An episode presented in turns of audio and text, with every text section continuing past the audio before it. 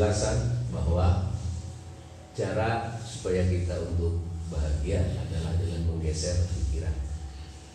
Makanya biasakan di mana kita berada di ada di satu tempat, apalagi yang namanya majelis ilmu, maka pikiran kita jangan membawa pikiran yang lain.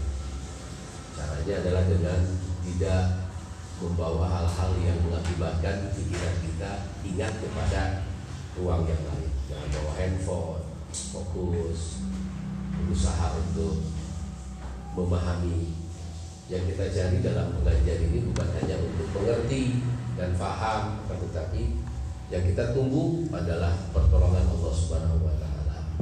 Karena tanpa maunahnya ribuan bacaan buku atau kitab yang kita baca itu tidak akan ada manfaatnya buat diri kita sendiri. Bahkan akan menjadi laknat bagi kita ketika Allah tidak menolong dengan sifat maha penolongnya kepada kita semua. Jadi mudah-mudahan kita sudah mulai belajar belajar bagaimana caranya supaya hidup ini menjadi berkah, hidup ini menjadi bahagia, hidup ini menjadi tidak menderita dengan cara salah satu caranya adalah dengan menggeser pikiran kita supaya kita tidak membawa pikiran lain ketika kita berada satu tempat yang sedang kita uh, tempati. Baik, Bismillahirrahmanirrahim. Sebelumnya kita hadirat kepada baginda Rasulullah, kepada guru-guru kita, lalu kepada muallif hadal kitab dan wa yu'awwinu ala nashri hadal kitab. Bismillahirrahmanirrahim. Al-hadina wa ala kulli din mardatillah ila hadratil nabi Muhammad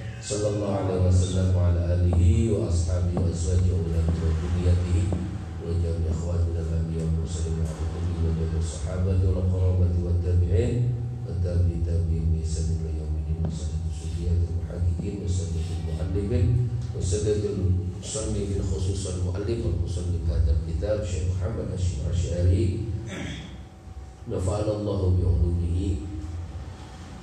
ومن يعظم على نشر هذا الكتاب الفاتحة بسم الله الرحمن الرحيم الحمد لله رب العالمين الرحمن الرحيم مالك يوم الدين إياك نعبد وإياك نستعين اهدنا الصراط المستقيم صراط الذين أنعمت عليهم غير المغضوب عليهم ولا الضالين Kita masuk di pasal 45 ya 45 itu tentang di halaman 60 berapa? 65 tentang kemarin baru sampai ke 16 17 17 tapi baru setengah. ya ke 17 tapi baru setengah ya. Sabi Asyar. Akhlak pribadi seorang guru. Karena pada prinsipnya Semua kita akan menjadi guru apa pun yang kita ajarkan itu adalah sebuah tanda bahwa kita ini adalah seorang guru. Baik ke keluarga, ke anak atau ke orang lain. Jadi akhlak pribadi guru itu ada berapa kemarin? Ada 20 Pertama harus selalu merasa diawasi oleh Allah. Yang kedua senantiasa khauf kepada Allah. Terus apa lagi? Yang ketiga ketiga keempat dan kelima itu tawarok tawadu dan khusyuk lalu yang ke sampai ke enam itu ya. Yang keenam itu yang ketujuh dan kedelapan itu masyarakat pada Allah kesembilan memuliakan para Abdullah hamba Allah. Terus yang ke sepuluh memiliki perangai zuhud sifat zuhud yang ke sebelas menjauhi segala bentuk mata pencarian yang rendah menurut akal sehat yang ke-12 menghindari tempat-tempat yang memungkinkan timbul prasangka buruk menjadi fitnah. Yang ke-13 menjaga keistiqomahan dalam menjalankan syiar. Yang ke-14 melestarikan sunnah, membasmi bid'ah. Yang ke-15 menghiasi perbuatan dan pekerjaannya dengan kesunahan membaca Al-Quran dan zikir. 16 memperlakukan orang lain dengan budi pekerti yang baik dengan menampakkan wajah berseri-seri menebar salam. 17 itu membersihkan jiwa. Nah kita langsung ke 17 yang wamin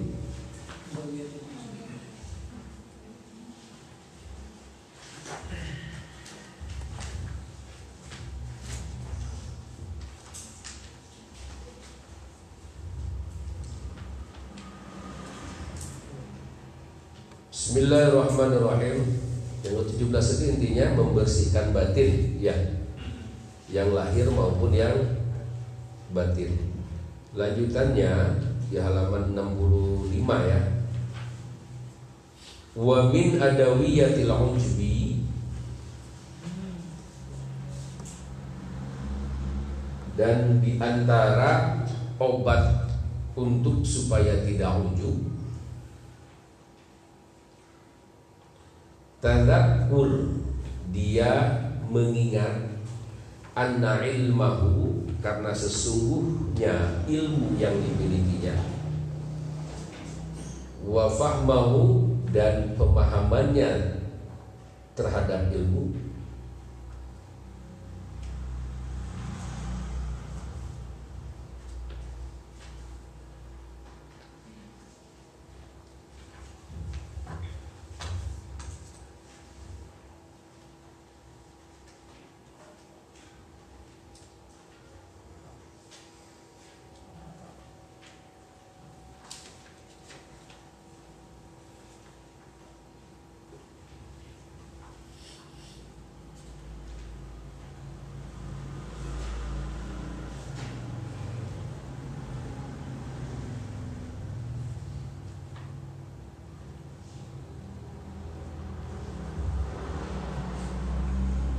wujudatu dhahnihi wa fasahatuhu wujudatu dhahnihi wujud atau memiliki kecerdasan wa fasahatuhu dan fasihahnya dia fasihat dalam menyampaikan ilmu wa ghairu dan selain daripada itu minan ni'ami itu adalah bagian dari kenikmatan fadlum minallahi ta'ala sebagai keutamaan dari Allah Subhanahu wa taala wa amanatun dan sebagai amanat ladaihi yang diberikan kepadanya liar liar aha agar supaya menjaga amanah tersebut. Hak tahu hak riayataha hak riayataha hak riayatihi sebagaimana sebagaimana menjalankannya amanah tersebut. Oke. Salah satu obat supaya seorang guru tidak ujub itu dia harus ingat bahwa ilmu pemahaman, kefasihan, kecerdasan yang dimiliki itu adalah bentuk dari kenikmatan Allah Subhanahu wa taala. Karenanya kata Imam Asy'ari wajiblah bagi seorang yang berilmu untuk memberikan uh, ilmunya pada yang berhak.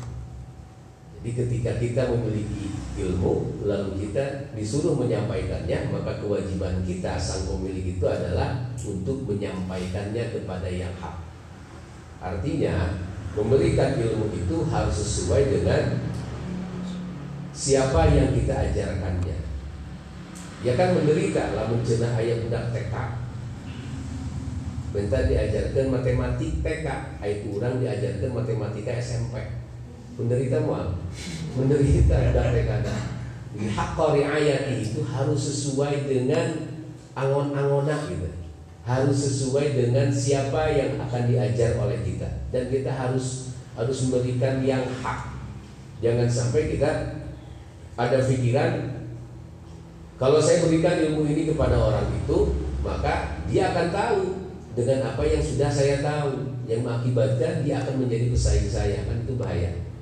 Ini artinya ilmu apa pun dalam hal apa pun yang penting itu adalah kebaikan, maka itu wajib disampaikan kepada orang yang membutuhkan.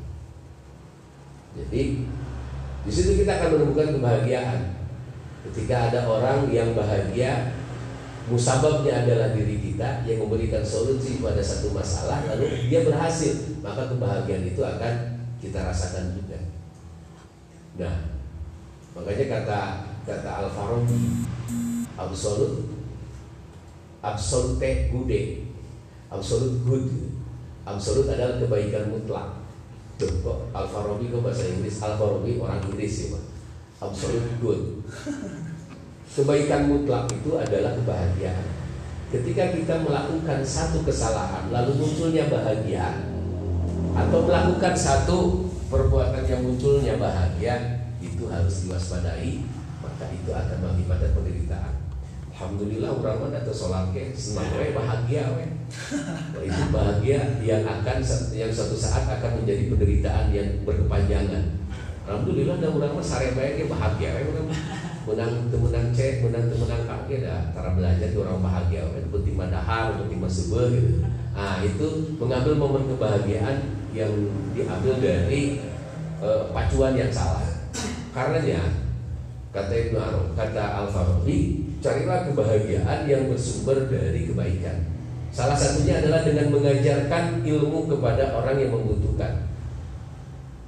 Kalian akan merasakan ketika kita menjadi ketika kalian nanti menjadi seorang guru, lalu ada muridnya yang melebihi diri kalian sendiri, itu akan bangga luar biasa. Makanya seorang murid itu jangan mau sama seperti gurunya, tapi harus melebihi gurunya. Ya karena kan itu sudah konsekuensi logis dan sebuah keniscayaan jika zaman ini, saat ini misalnya Kita anggaplah ada zaman covid, zaman corona Lalu menyampaikannya seperti ini.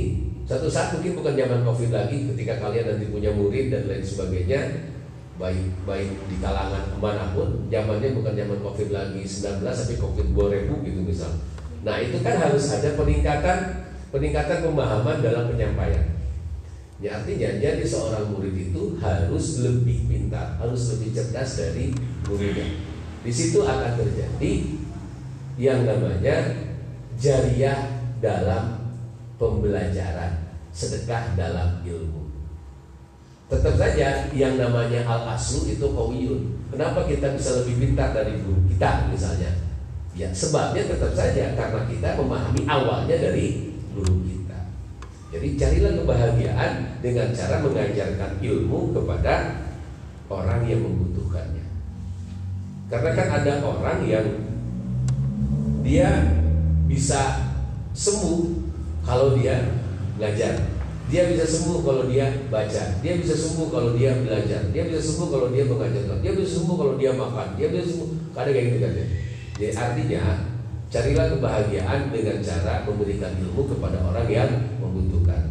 Karena pastinya ketika kebahagiaan itu muncul dan hadir, kebahagiaan itu akan betul-betul menjadi kebahagiaan yang keluar dari dalam batin kita. Karena distimuluskan dari hal yang positif atau hal yang baik. Beda deh dengan orang yang bahagia karena tidur wae, karena sare wae orang bahagia sare baik Orang bahagia cenah tarak salat ge, orang bahagia itu bahagia dan pangeran Mahampura iya pangeran udah santai iya karena buat orang-orang ke sholat orang tapi sulat jadi kan gitu.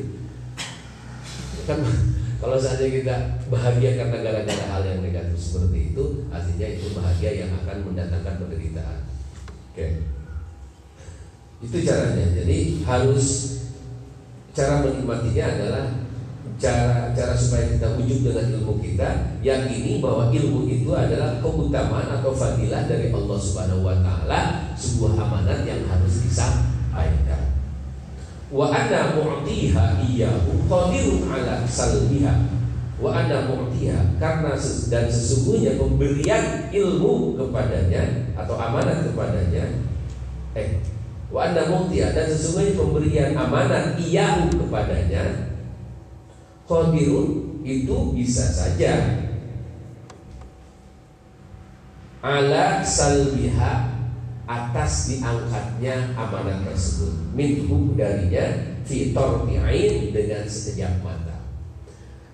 Ketika kita tidak bisa bersyukur atas nikmat Allah maka Allah akan mudah sekali mencabut kenikmatan itu dengan sekejap mata Salah satu cara kita bersyukur kepada Allah ketika memiliki ilmu maka sampaikanlah ilmu itu dengan baik dan benar itu salah satunya. Qadirun ala salbiha itu kan nggak ada. Kecuali ilmu-ilmu kanuragan. Ilmu-ilmu kanuragan bisa dicabut keburu dan bisa. Karena dia sudah keburunya sudah mahiwal sudah mengambil hak gurunya karena sudah promosi, sudah menyaingi guru-guru-gurunya, itu ada cerita dan banyak cerita diambil ilmunya sama gurunya, disiram set. Kan di film-film berapa kumbara kan ada kayak gitu tuh ada. Nah, kecuali ilmu-ilmu kayak begitu, manusia bisa mengambilnya. Kalau ilmu yang berkaitan dengan kebaikan, berkaitan dengan ketuhanan, berkaitan dengan pribadi, berkaitan dengan kepribadian dan dengan akhlak dan sebagainya, itu yang berhak mencabutnya siapa?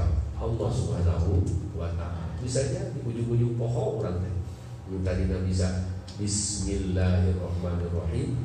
Karena dicabut kenikmatannya oleh Allah tidak digunakan Bismillahnya.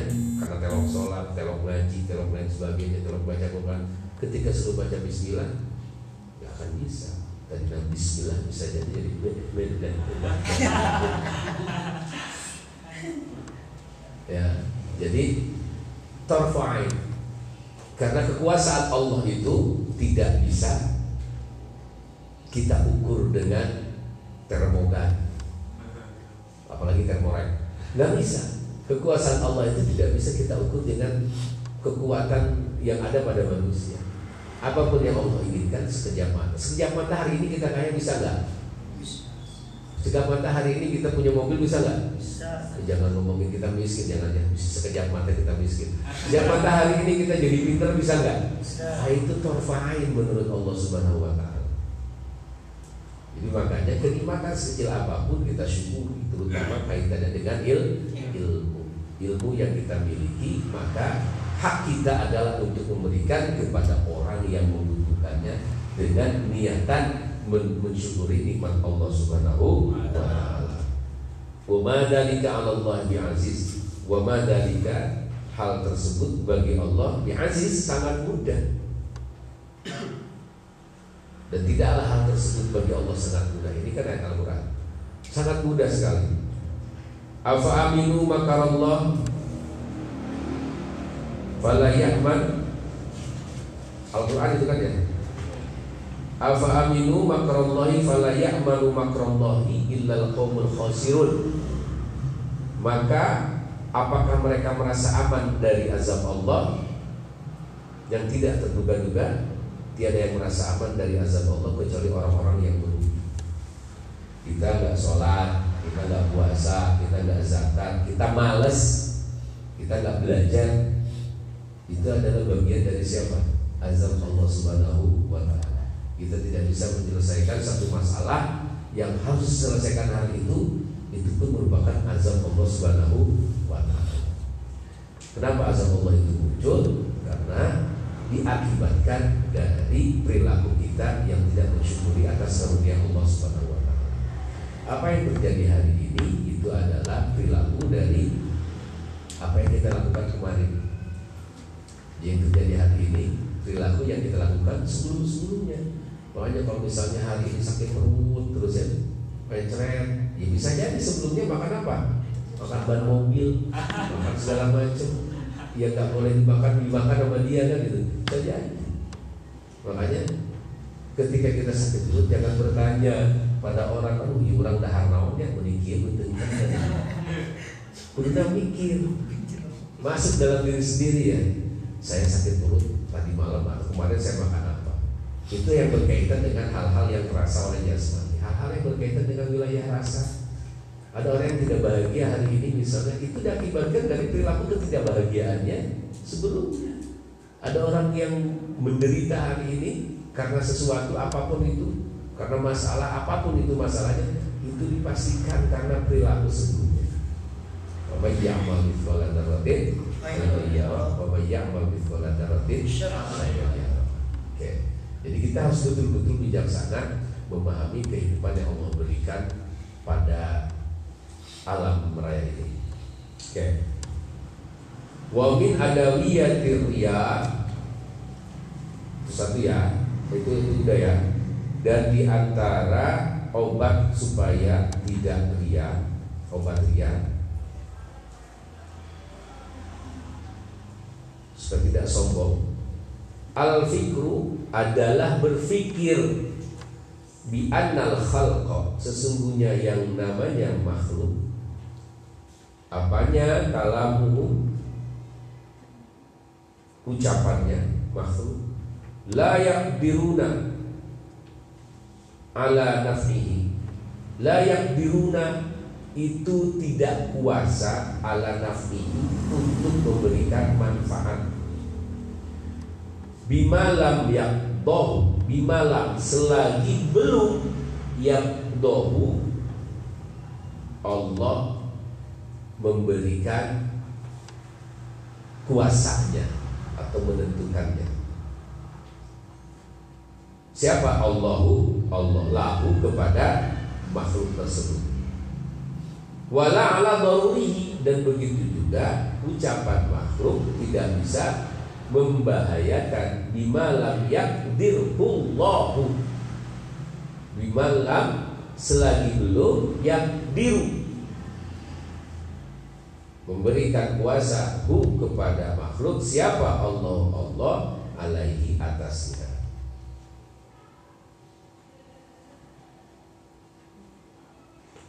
Falam yahbid maka dia tidak akan menyia-nyiakan amaluhu amalnya. Wa yadurru dan tidak akan membahayakan dinahu agamanya. Wa yashghilu dan akan sibuk nafs. Nafsahu pada dirinya. Bimura'atin man la yamliku lahu fil haqiqah naf'an wala darran ma'a anna Allah yatla'uhum ala niyatihi wa qabaha sariratihi bimura'ati man dengan uh, penguasaan atau pengurusannya seseorang la yamliku yang tidak memiliki lahu baginya fil haqiqah di dalam hakikatnya naf'an kemanfaatan wala dharran dan e, kemadaratan. Oke.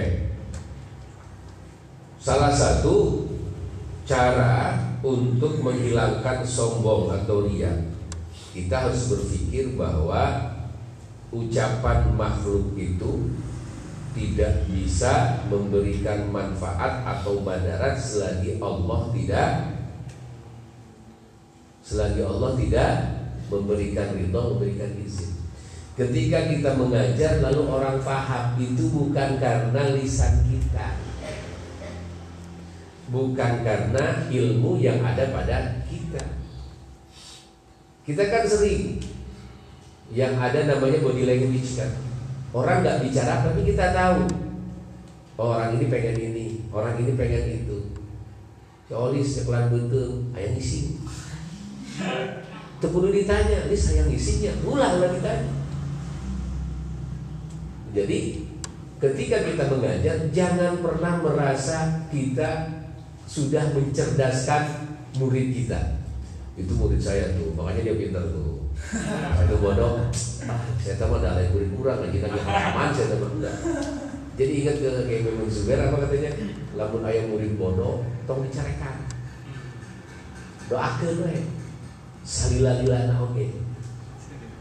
Ya kemungkinan kenapa murid itu tidak mengerti atau bodoh Dua, ada kesalahan pada guru Atau kesalahan pada murid itu sendiri Kesalahan pada guru mungkin guru tidak piawai untuk menyampaikannya. Atau muridnya memang malawun atau muridnya memang membawa pikiran ke tempat dia belajar. Membawa pikiran yang lain ke tempat dia belajar. Akhirnya tidak fokus tidak konsentrasi intinya kalau kita sudah menyampaikan sesuatu lalu orang tersebut bisa paham dengan apa yang kita ucapkan itu bukan karena lisan kita. Karena ilmu Allah lah yang menjadikan orang tersebut paham dengan apa yang disampaikan oleh oleh karenanya di sini juga kan ada wala yang turun dan tidak akan berikan mandaran.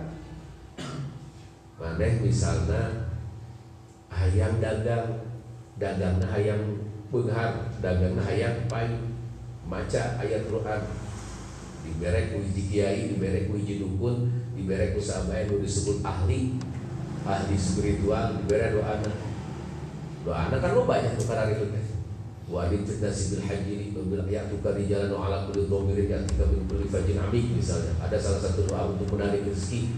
Itu bisa jadi kembali. Ngamal ke doa eta kakak karampungan bisa jadi karasa ke kami. Karena apa? Karena pada waktu itu saya meyakini bahwa ayat itulah yang akan memberikan manfaat dan mendatangkan kebahagiaan, mendatangkan rezeki yang banyak diamalkan ribuan kali. Sampai satu minggu sampai yang namanya itu toko disiram kucai dengan anak itu kucai dicampur ke minyak yang faron sekitar luar biasa. Nges alabatan imah dukun yang datang itu bukan keuntungan. Yang datang malah perampok. Dan akhirnya hanya menyisakan satu komputer dan uang 30 ribu. Alhamdulillah masih elit. Allah subhanahu wa taala Kesalahannya di mana? Kesalahannya bukan pada ayat dan doa, tapi kesalahannya karena kita tidak yakin kepada Allah Subhanahu wa taala. Kita meyakini bahwa dengan ini kita akan mendapatkan itu. Dengan itu kita mendapatkan ini. Begitu juga artinya ketika kita misal sekarang kan banyak yang namanya ilmu santet sampai virtual ya. Ilmu santet virtual semakin edan zaman sekarang. Semakin edan. Ya mungkin Jangan Bismillahirrahmanirrahim ma'asmi syai'un fil ardi fis gitu ya. Ya kan? Bismillahirrahmanirrahim dengan atas nama Allah tidak ada yang bisa membahayakan apa pun kecuali atas seizin Allah Subhanahu wa taala. Kalau seizin Allah lalu kita terima, oh saya disantet orang, alhamdulillah gitu saya disantet orang ya. Itu akan jadi hikmah enggak?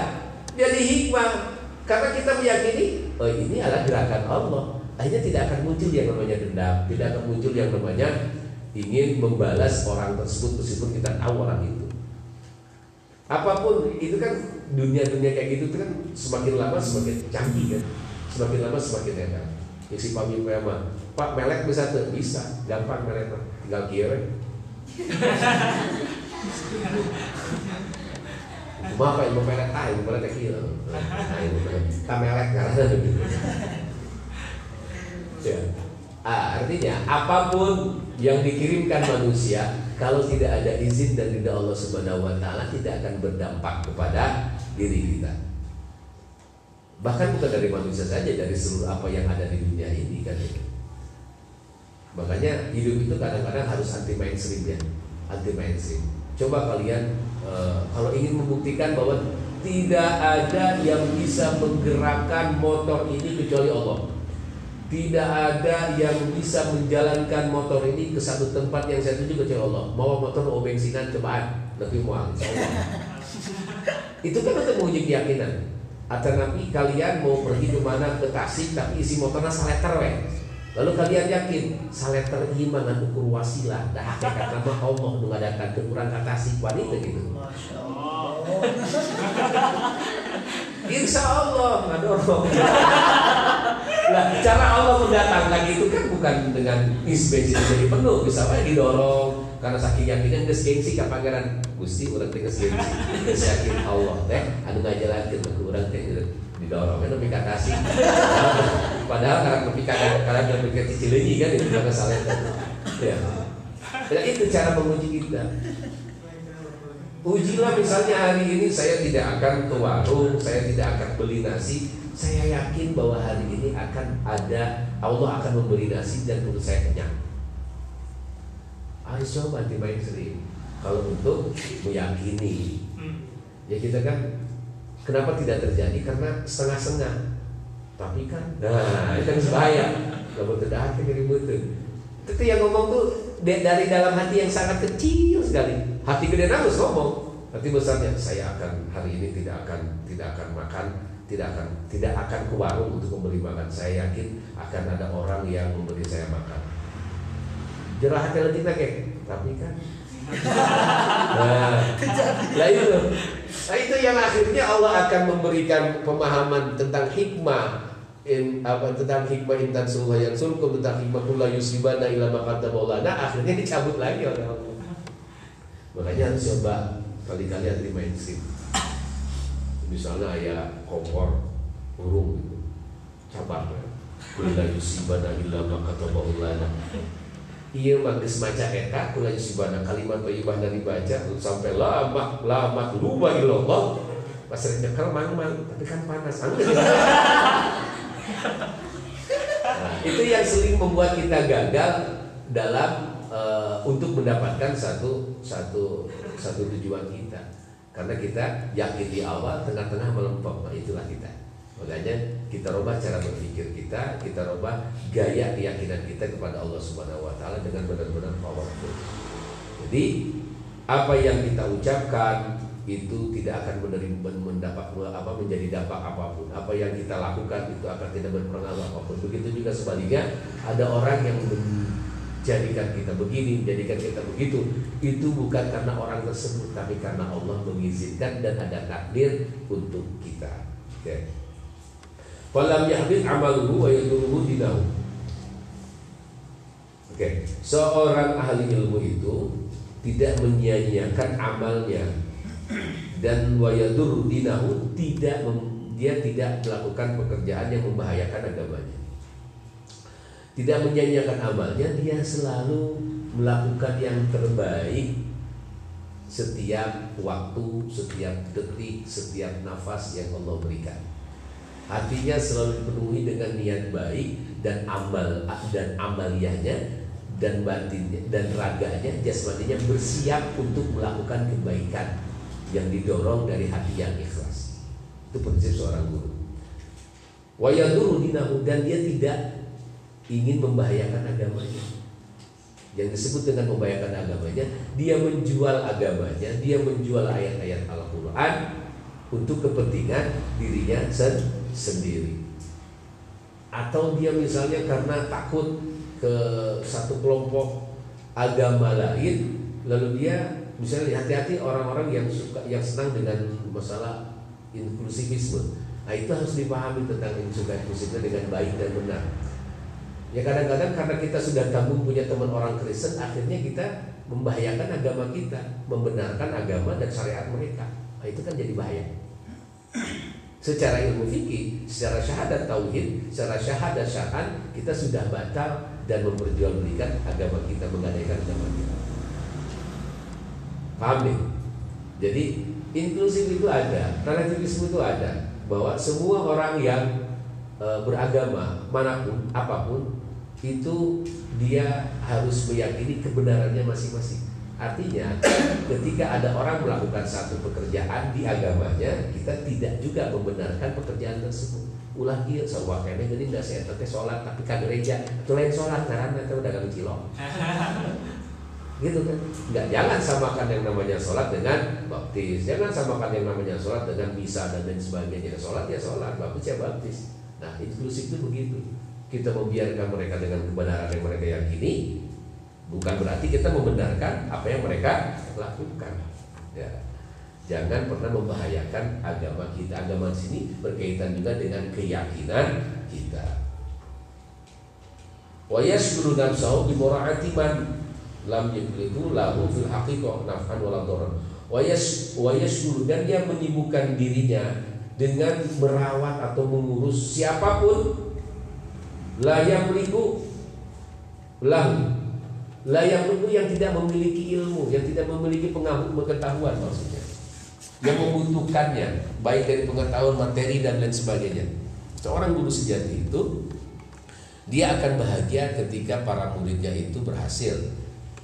Dia akan bersedih ketika para muridnya itu tidak mendapatkan solusi dalam kehidupan kehidupan itu. Dia akan terus mencari solusi bagaimana caranya si A, si B, si C dan lain sebagainya yang yang apa menjadi muridnya itu bisa berhasil uh, sesuai dengan keinginan si murid tersebut.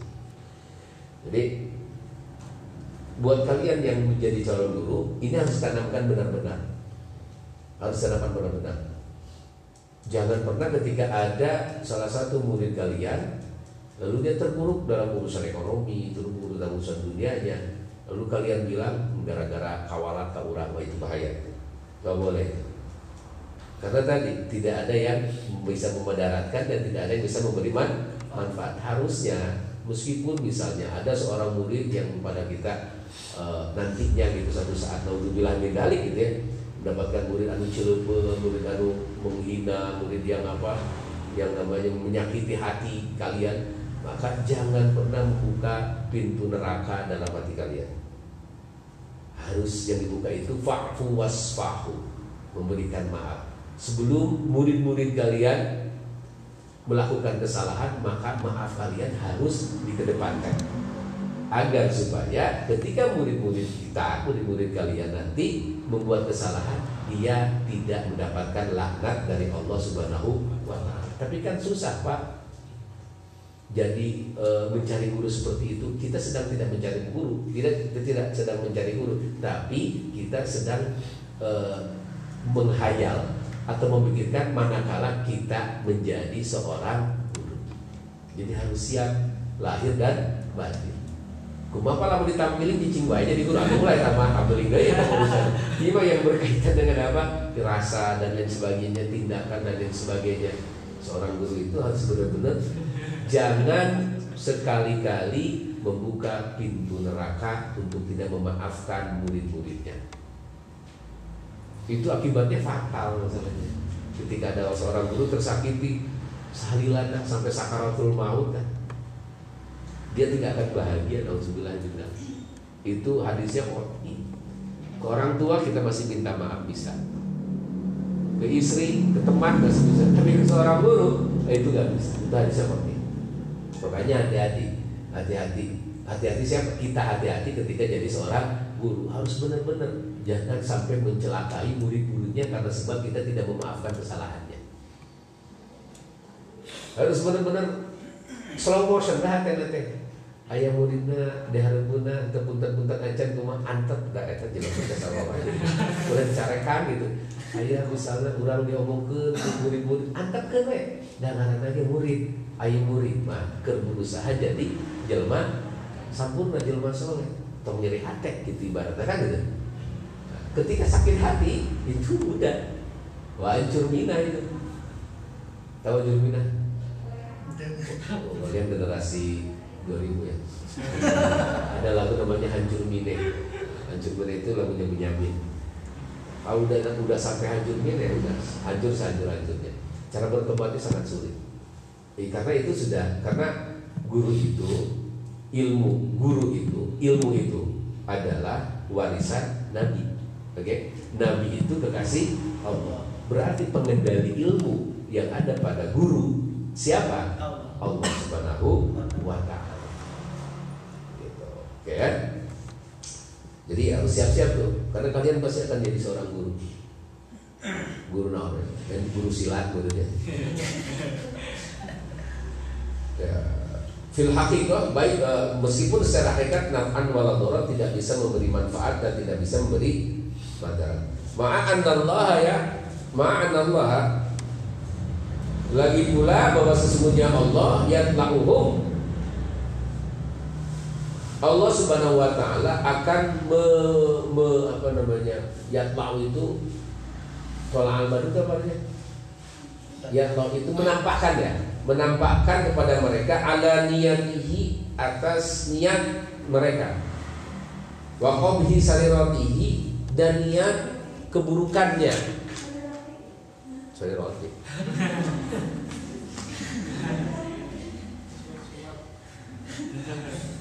Jadi Allah Maha tahu. Allah zat yang Maha mengetahui apa yang tersembunyi. Meskipun tersembunyi di balik hati yang paling dalam, Allah pasti tahu. Hari ini kita nggak tahu di antara teman kita sedang menggerutu, aduh saya puasa canda hari si bapak mendiri dengan. Allah tahu. Makanya bagi orang yang paham santai aja gitu. Isinya kan ngomong anu gitu biar aja gitu. Allah maha tahu itu segalanya Allah maha tahu jadi meskipun uh, kita baik kepada orang tapi niat kita buruk dipastikan Allah akan memunculkan suatu saat niat keburukan kita naudzubillah min katanya makanya di awal tadi semoga Allah memberikan maunah pertolongan kepada kita untuk memahami dan memperjalankan ilmu yang kita peroleh di malam hari ini. Oke ya. Terus kata hadis Nabi Man sama'a sama Allahu bihi. Man sama'a Barang siapa yang memperdengarkan niat sama Allahu bihi, maka Allah akan memperdengarkannya. Oh man ro'a Allahu bihi. Barang siapa yang memperlihatkan amalnya, sombong artinya Allahu bihi, hatinya ya, hatinya Allah bi maka Allah akan menunjukkannya Isi bersama tujuannya Jadi kalau seandainya ada orang Baik kepada kita Ya kita terima aja dulu.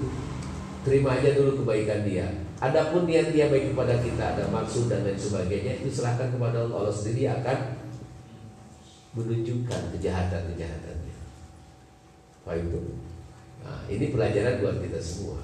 Makanya ketika kita melakukan satu kebaikan disertai dengan kebaikan hati, dengan keikhlasan hati, dengan ketulusan hati, dengan kejernihan niat kita yang ada pada batin kita.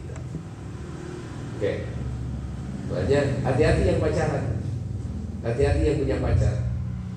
Ketika dia memberi, saya baik ke dia, saya mau tulus ke dia.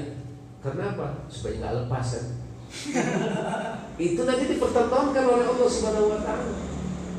Akhirnya bobogohan yang orang kawin yang batu. ya karena dia salah ketika memberikan sesuatu kepada pacarnya, dia salah. Bukan salah pemberian, dia salah niatnya. Gitu. Orang yang ada ikatan itu sangat bahaya. Yang poses itu sangat bahaya. Orang yang poses itu sangat bahaya. Terikat dengan sesuatu sangat bahaya. Kalau ke orang tua beda ya. Kenapa kamu memberikan itu pada orang tua? Ya, karena dia orang tua saya tanda saya terima kasih. Ketika saya memberikan ini cincin ini pada kamu, kamu ulang tahun kan hari ini? Nah, artinya apa? Ada niat lain supaya kamu jangan lepas ke mana-mana. Dilepas kan pangeran. Hop dia. Asli. Serius. lalu misalnya lebay-lebayan dan lain sebagainya gitu ya. Lebay-lebayan uh, uh, tanya gitu. Aika Batur tanya tenanya udah makan belum Aika? Kamu kan nanya ya udah makan belum? Gitu. Mati. Kamu udah tidur belum? Eh Batur sakit tidur sama kamu ditanya-tanya aja gitu kan. Ya hati-hati. itu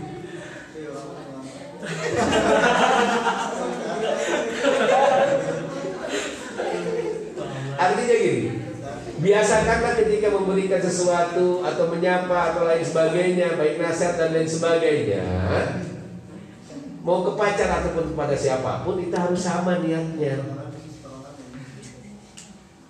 Ya kan kalian jadi ribet karena punya pacar jadi ribet hidupnya ya. Tadi pagi ngobrol sama Satya. Manusia yang paling bahagia itu manusia yang hidupnya alamiah kan. Mereka tahan nyatu, itu ayah. Hayang dahar tapi hayang warteg eh. Tapi hayang padang anu rasa na Surabaya. kan jadi jadi ribet gitu.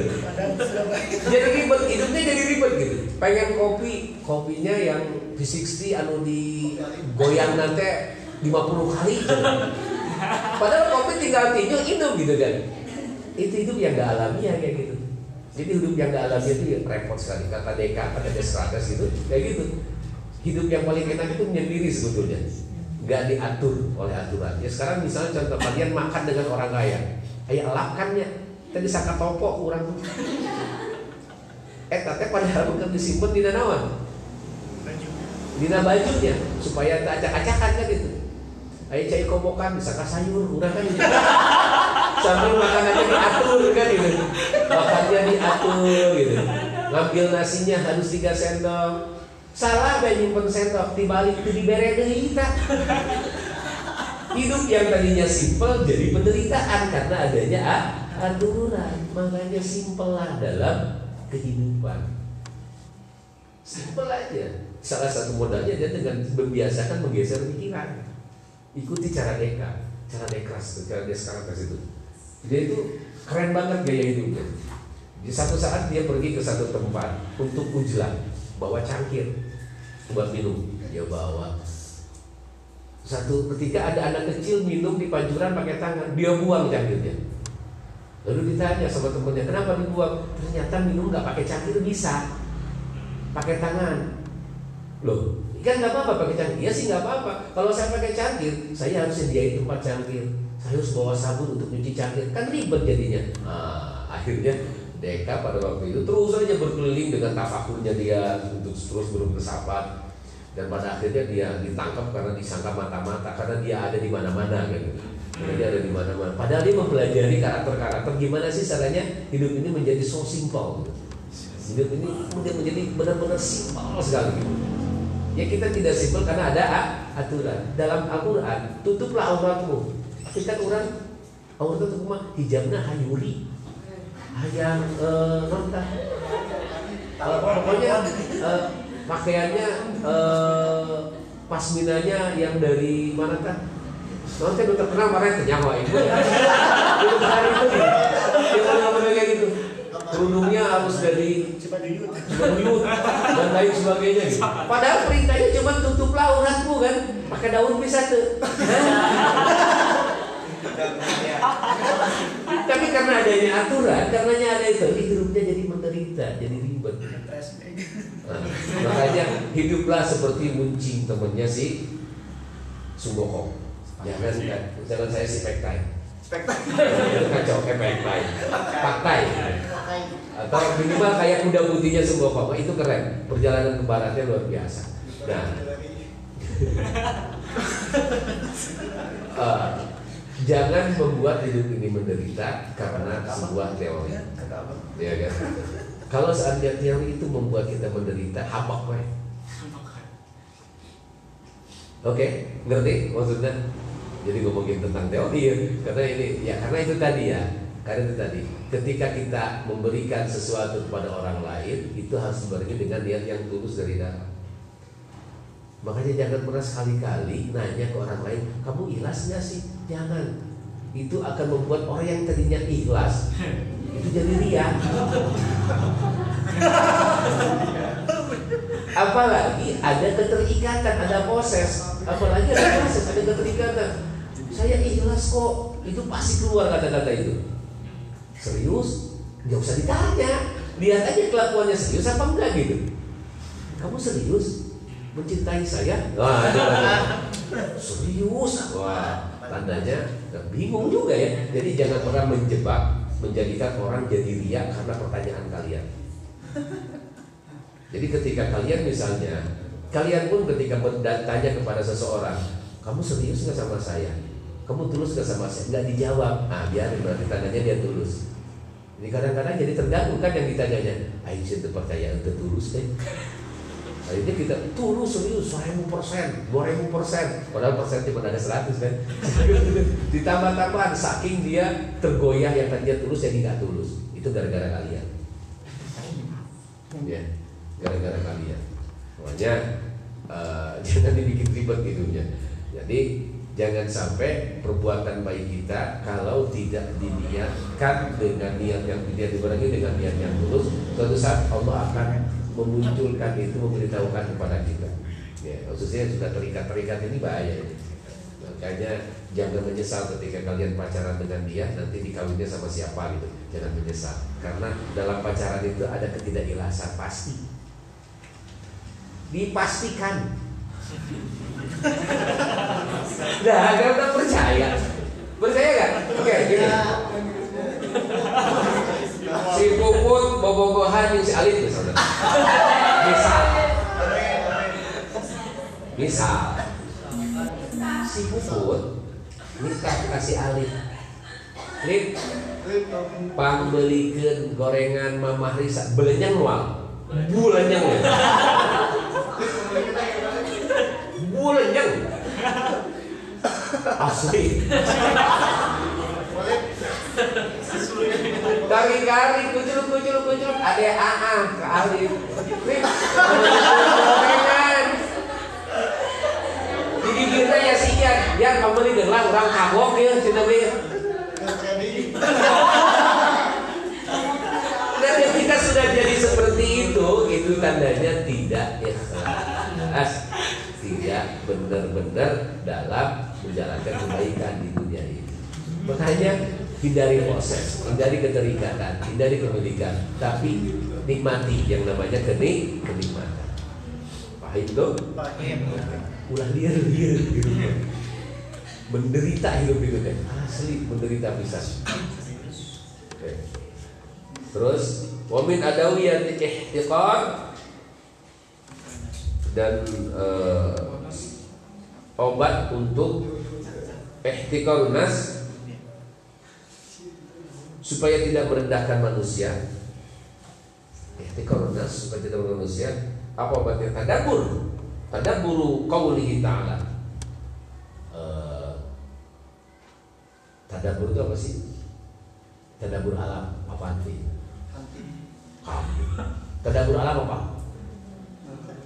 Hayati ya, nikmati gitu kan tadabur. Tadabur qouli ta'ala maka hayatilah Dawu Allah Subhanahu wa taala, "Ya la yaskhar qaumun min qaumin asa yakunu khairan minhum."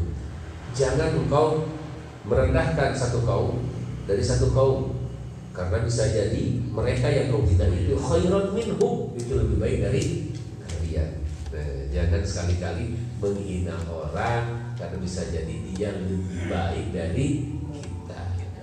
Pahami jeung Septian mah payah terus-lulus hina. Hinaan terus hinaan terus ulah pernah ada wong teh hingga hinaan ulah make hati. Ngalenek we tamah gitu. Supaya mana anak jangan beres gitu kan amin. Eh beres kon ya kan? Jangan berdasar hinaan saya tahu tuh akhir lagi gitu gitu karena bisa jadi mereka akan lebih mulia dari orang yang menghina intinya jangan pernah menghina orang lain bisa jadi yang dihina oleh kita dia akan lebih mulia dan mendapatkan kebahagiaan melebihi kebahagiaan yang kita miliki. Wa qalu ta'ala ya ayyuhan nas inna khalaqnakum min dzakarin wa untha. Wahai manusia, sesungguhnya kami menciptakan kalian dari laki-laki dan perempuan. Wa ja'alnakum syu'uban wa qabaila lita'arafu. Dan kami menjadikan qabila syu'ub kelompok lita'arafu untuk saling mengenal bukan untuk saling mengiktikor. Makanya dalam cerita ayam bule, ayam bule orang Afrika boleh disebut bule, kahina eta. Anjir si bule, dia bule kanu hideung eta ngahina. atau kumaha apa nyebut orang mulai kami hidup orang asing ya gitu nyebutkan atau si maghrib Mau makan. lebih lebih mendekati subuh ah artinya itu hati-hati ya. Kalau kalau cuman bercanda gimana mau bercanda? Tapi bercandanya jangan bawa bawa hati. Kalau bercanda keseringan juga itu akhirnya bawa hati kan. Jadi Allah menciptakan kita itu berkobair, bersyu'ub itu bukan untuk saling menghina tapi saling mengenal, saling memberikan di ta'arufu itu kalau yang namanya mengenal itu kalau sudah mengenal pasti akan berbuat baik. Ketika kita disakiti orang padahal kita kenal berarti tandanya dia tidak mengenali kita. Kalau kalian ada yang dihina oleh orang yang menurut kalian dia kenal sama saya, sama kita, berarti dia belum mengenal kita. Karena orang yang mengenal diri kita, dia tidak akan menghina kita. Begitu pula kita ketika kita sudah mengenal orang lain, kita tidak akan menghina mereka. Tidak akan eh, memberikan eh, hinaan kepada mereka. Tandanya kita masih menghina kepada orang lain, tandanya kita belum mengenal dia. Kumaha apa lamun ESP pamalah saya tak membantu kan gitu mah. ESP sepak kan gitu mah. Kayak kata bok mah gitu kan. Disebut penghina ini secara fisik, secara virtual, secara yang bersifat perasaan dan itu apa gimana. Lamun jorok kumaha apa? Ayo jorok yang dihina, bener gitu kan. Wa qalu ta'ala fala tuzakku anfusakum wa a'lamu man ittaqo. Fala tuzakku anfusakum jangan kau merasa bersih kata Allah. Merasa suci, merasa keren, merasa ganteng, merasa paling wardah, merasa paling pangwardah nah, merasa paling panglipat nah, merasa paling ah kecebong nah gitu kan. Fala tuzakku jangan merasa bersih, jangan merasa pinter, jangan merasa gagah. Inna akramakum in apa? Wa a'lamu biman karena Allah yang mengetahui siapa yang takwa di antara manusia. Oke, jadi stop bully, stop menghina kecuali untuk menyemangati. Itu bukan menghina, nyepetan. Kayaknya petan lain untuk menyemangati, untuk menghina, untuk menyemangati. Gitu. Farubbama kana al-muhtaqar abhar. Farubbama bisa jadi karena al-muhtaqar terbukti yang dihina itu abharu qalban. Dia lebih bersih hatinya. Indallahi di samping Allah wa azka amalan dan bersih niat dalam beramalnya wa akhlason niat dan suci atau ikhlas niatnya. Jadi bisa jadi orang yang kita hina itu adalah orang yang bersih, orang yang mulia hatinya di hadapan Allah Subhanahu wa taala. Makanya jadilah manusia yang tidak ingin terkenal. Jadi kata Al-Farabi juga sama. Karena ketika kalian terkenal itu jadi bikin ribet. Kita ustad misalnya. Ustadlah di tempatnya.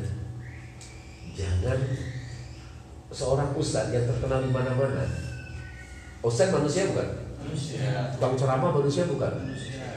Mesti kena yang ulin, kamu ngarorakennya gitu Di bawah 40 tahun mesti kena yang ulin kan banyak Repot mereka Kalau mau main repot Di bawah kopean Sampai pernah satu kejadian ada seorang ustadz saking ingin menjaga muruahnya Dia sebagai ustadz, oh jadi di kopean tak? Asli Wah jadi kopean Pakai baju sotok, pakai celana sotok gitu. Gila saya bilang Gilanya ternyata dia bawa murid-muridnya gitu kan. Kan ayo ngojek. Nggak ngojek mereka nggak sebasa suka ketika cembur orang ngojek saking ingin menjaga dirinya buat jadi seorang ustad di kopea meskipun kopeanya yang anti air kan ada ya. Tapi kan satu peratus gusti. Iya artinya janganlah uh, insat wujuda kafi ardil khumul kalau kata Ibnu Athaillah jadilah manusia yang tersembunyi tapi mulia di hadapan Allah. Tidak makbul di dunia tapi makbul oleh Allah Subhanahu wa taala. Dia tidak terkenal di bumi tapi terkenal di langit seperti yang terjadi oleh kepada Uwais al qarni Dia tidak terkenal, tidak disebut sahabat. Bahkan banyak orang yang tidak tahu siapa Uwais al Hanya seorang miskin, seorang